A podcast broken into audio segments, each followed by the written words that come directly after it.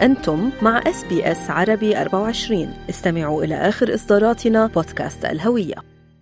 حذرت منظمة الصحة العالمية من أن عدد الضحايا في كارثة الزلزال الذي ضرب جنوبي تركيا وأجزاء كبيرة من سوريا قد يرتفع إلى ثمانية أضعاف.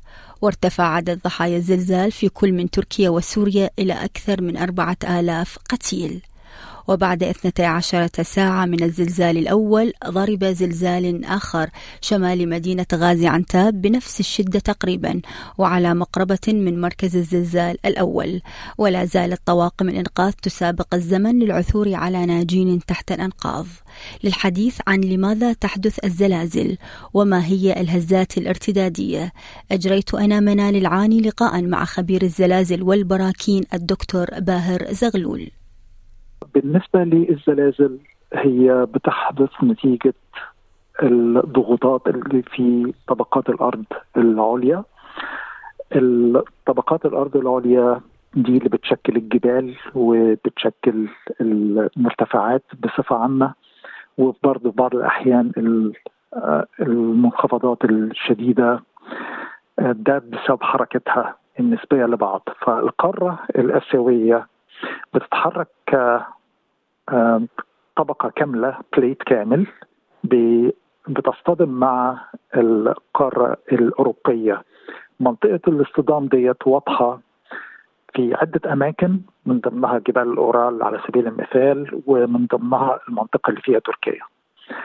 فتركيا هضبة الأناضول هي نتيجة الضغط اللي في الأرض اللي شكل الارتفاع دوت اللي تسبب في نشوء هذه الهضبة.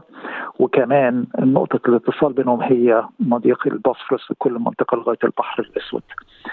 الضغوطات في الأرض ديت بتحدث نتيجة الحركة النسبية ما بين القارتين في الحالة ديت اللي هي هتبقى آسيا وأوروبا.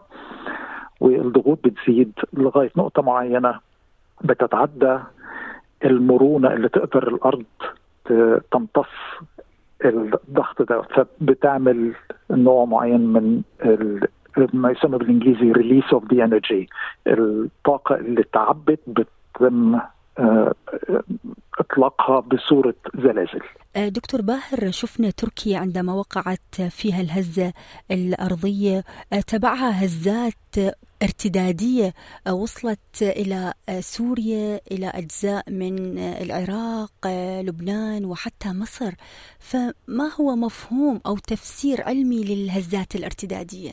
بعد قبل الهزات الرئيسية بيبقى في هزات خفيفة بتبقى بتعرف إن في شيء ممكن يحدث. ممكن ما يحصلش أي شيء بتبقى شيء طبيعي بس الأرض بتريح تريح خفيف. بس قبل الهزة الرئيسية بتحصل بعض الهزات القليلة.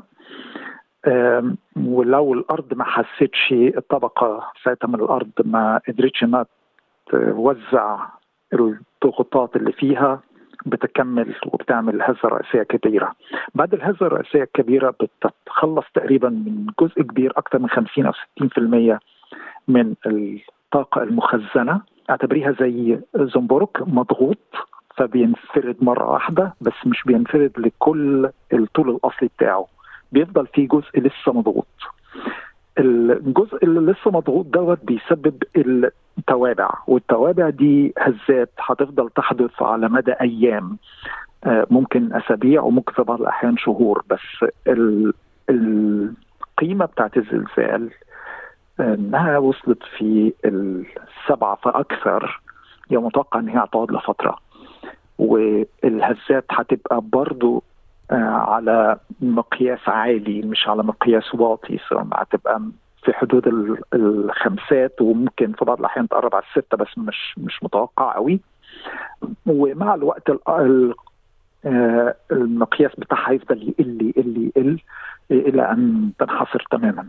بس طبعا كل المجاورين لمنطقة الزلزال هيتأثروا. لأن الموجات الزلزالية بتنتشر في طبقات الأرض في الاتجاهات ال 360 درجة على السطح. وكمان آه، في خلال الأرض فحطول كل المجاورين شئنا أم لم نشأ مع الأسف أمر واقع. آه، نعرف دكتور باهر إنه الهزات الأرضية هي كوارث طبيعية، لكن السؤال يمكن اللي يطرح نفسه هنا هل من الممكن التحضير للهزات الأرضية آه، يعني على الأقل يمكن قبل وقوعها أو عند وقوعها من الممكن إنه يعني يتم إنقاذ ما يمكن إنقاذه من الضرر؟ الاستعداد ليها هو الحل الوحيد. بمعنى مش هنقدر نوقف الزلزال مش هنمنع حدوث الزلزال لكن نقدر نبقى مستعدين للزلزال. ده بينعكس مباشرة في إيه اللي إحنا هنعمله في المنشآت بتاعتنا وده برضه هيساعدنا في إن إحنا إزاي نقدر نخطط إلى ما تبع ما يحدث بعد حدوث الزلزال. في المباني في عندنا عنصرين. عنصر الرئيسي اللي هو إن المبنى يحتمل الزلزال وما ينهارش إحنا مش متوقعين إن بعد زلزال إن المباني اللي قريبة من مكان النشوء الهزة الأرضية الرئيسية إنها هتبقى مباني صالحة للاستعمال. بس إحنا مش عايزينها إنها تنهار على اللي فيها.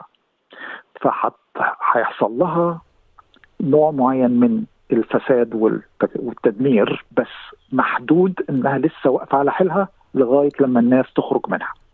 المشكلة إن لو ما كناش عاملين حسابنا على الموضوع دوت المباني دي هتنهار وهتموت القاطنين اللي فيها والمجاورين وهتعمل مشاكل كتير. فأول حاجة هي المنشآت لازم تعمل حس يتعمل في تصميمها الاعتماد على إنها تقدر إن هي تقف أمام هزة الأرضية بدون انهيار. يحصل لها دمج جامد ماشي. آه لا تصلح بعد كده للاستعمال ماشي. بس ما تنهارش. ده أول عنصر. ثاني عنصر ما يتبع الزلزال من آه أشياء بتعوق البني آدمين. زي على سبيل المثال لو أنا عندي suspended آه ceiling لو عندي كل أجهزة التكييف ال ducts ما شابه في المباني لو كان في الأشياء المتعلقة في البيت الأبواب الشبابيك. لازم يتعمل حساب برضه إن هي لو حصل زلزال إنها ما تقعش على اللي فيها زي suspended roof أو ceiling وفي نفس الوقت الأبواب يبقى في إمكانية تعرف تفتحيها هي والشبابيك. لأن لو الناس عايزة تخرج لازم تخرج من مكان.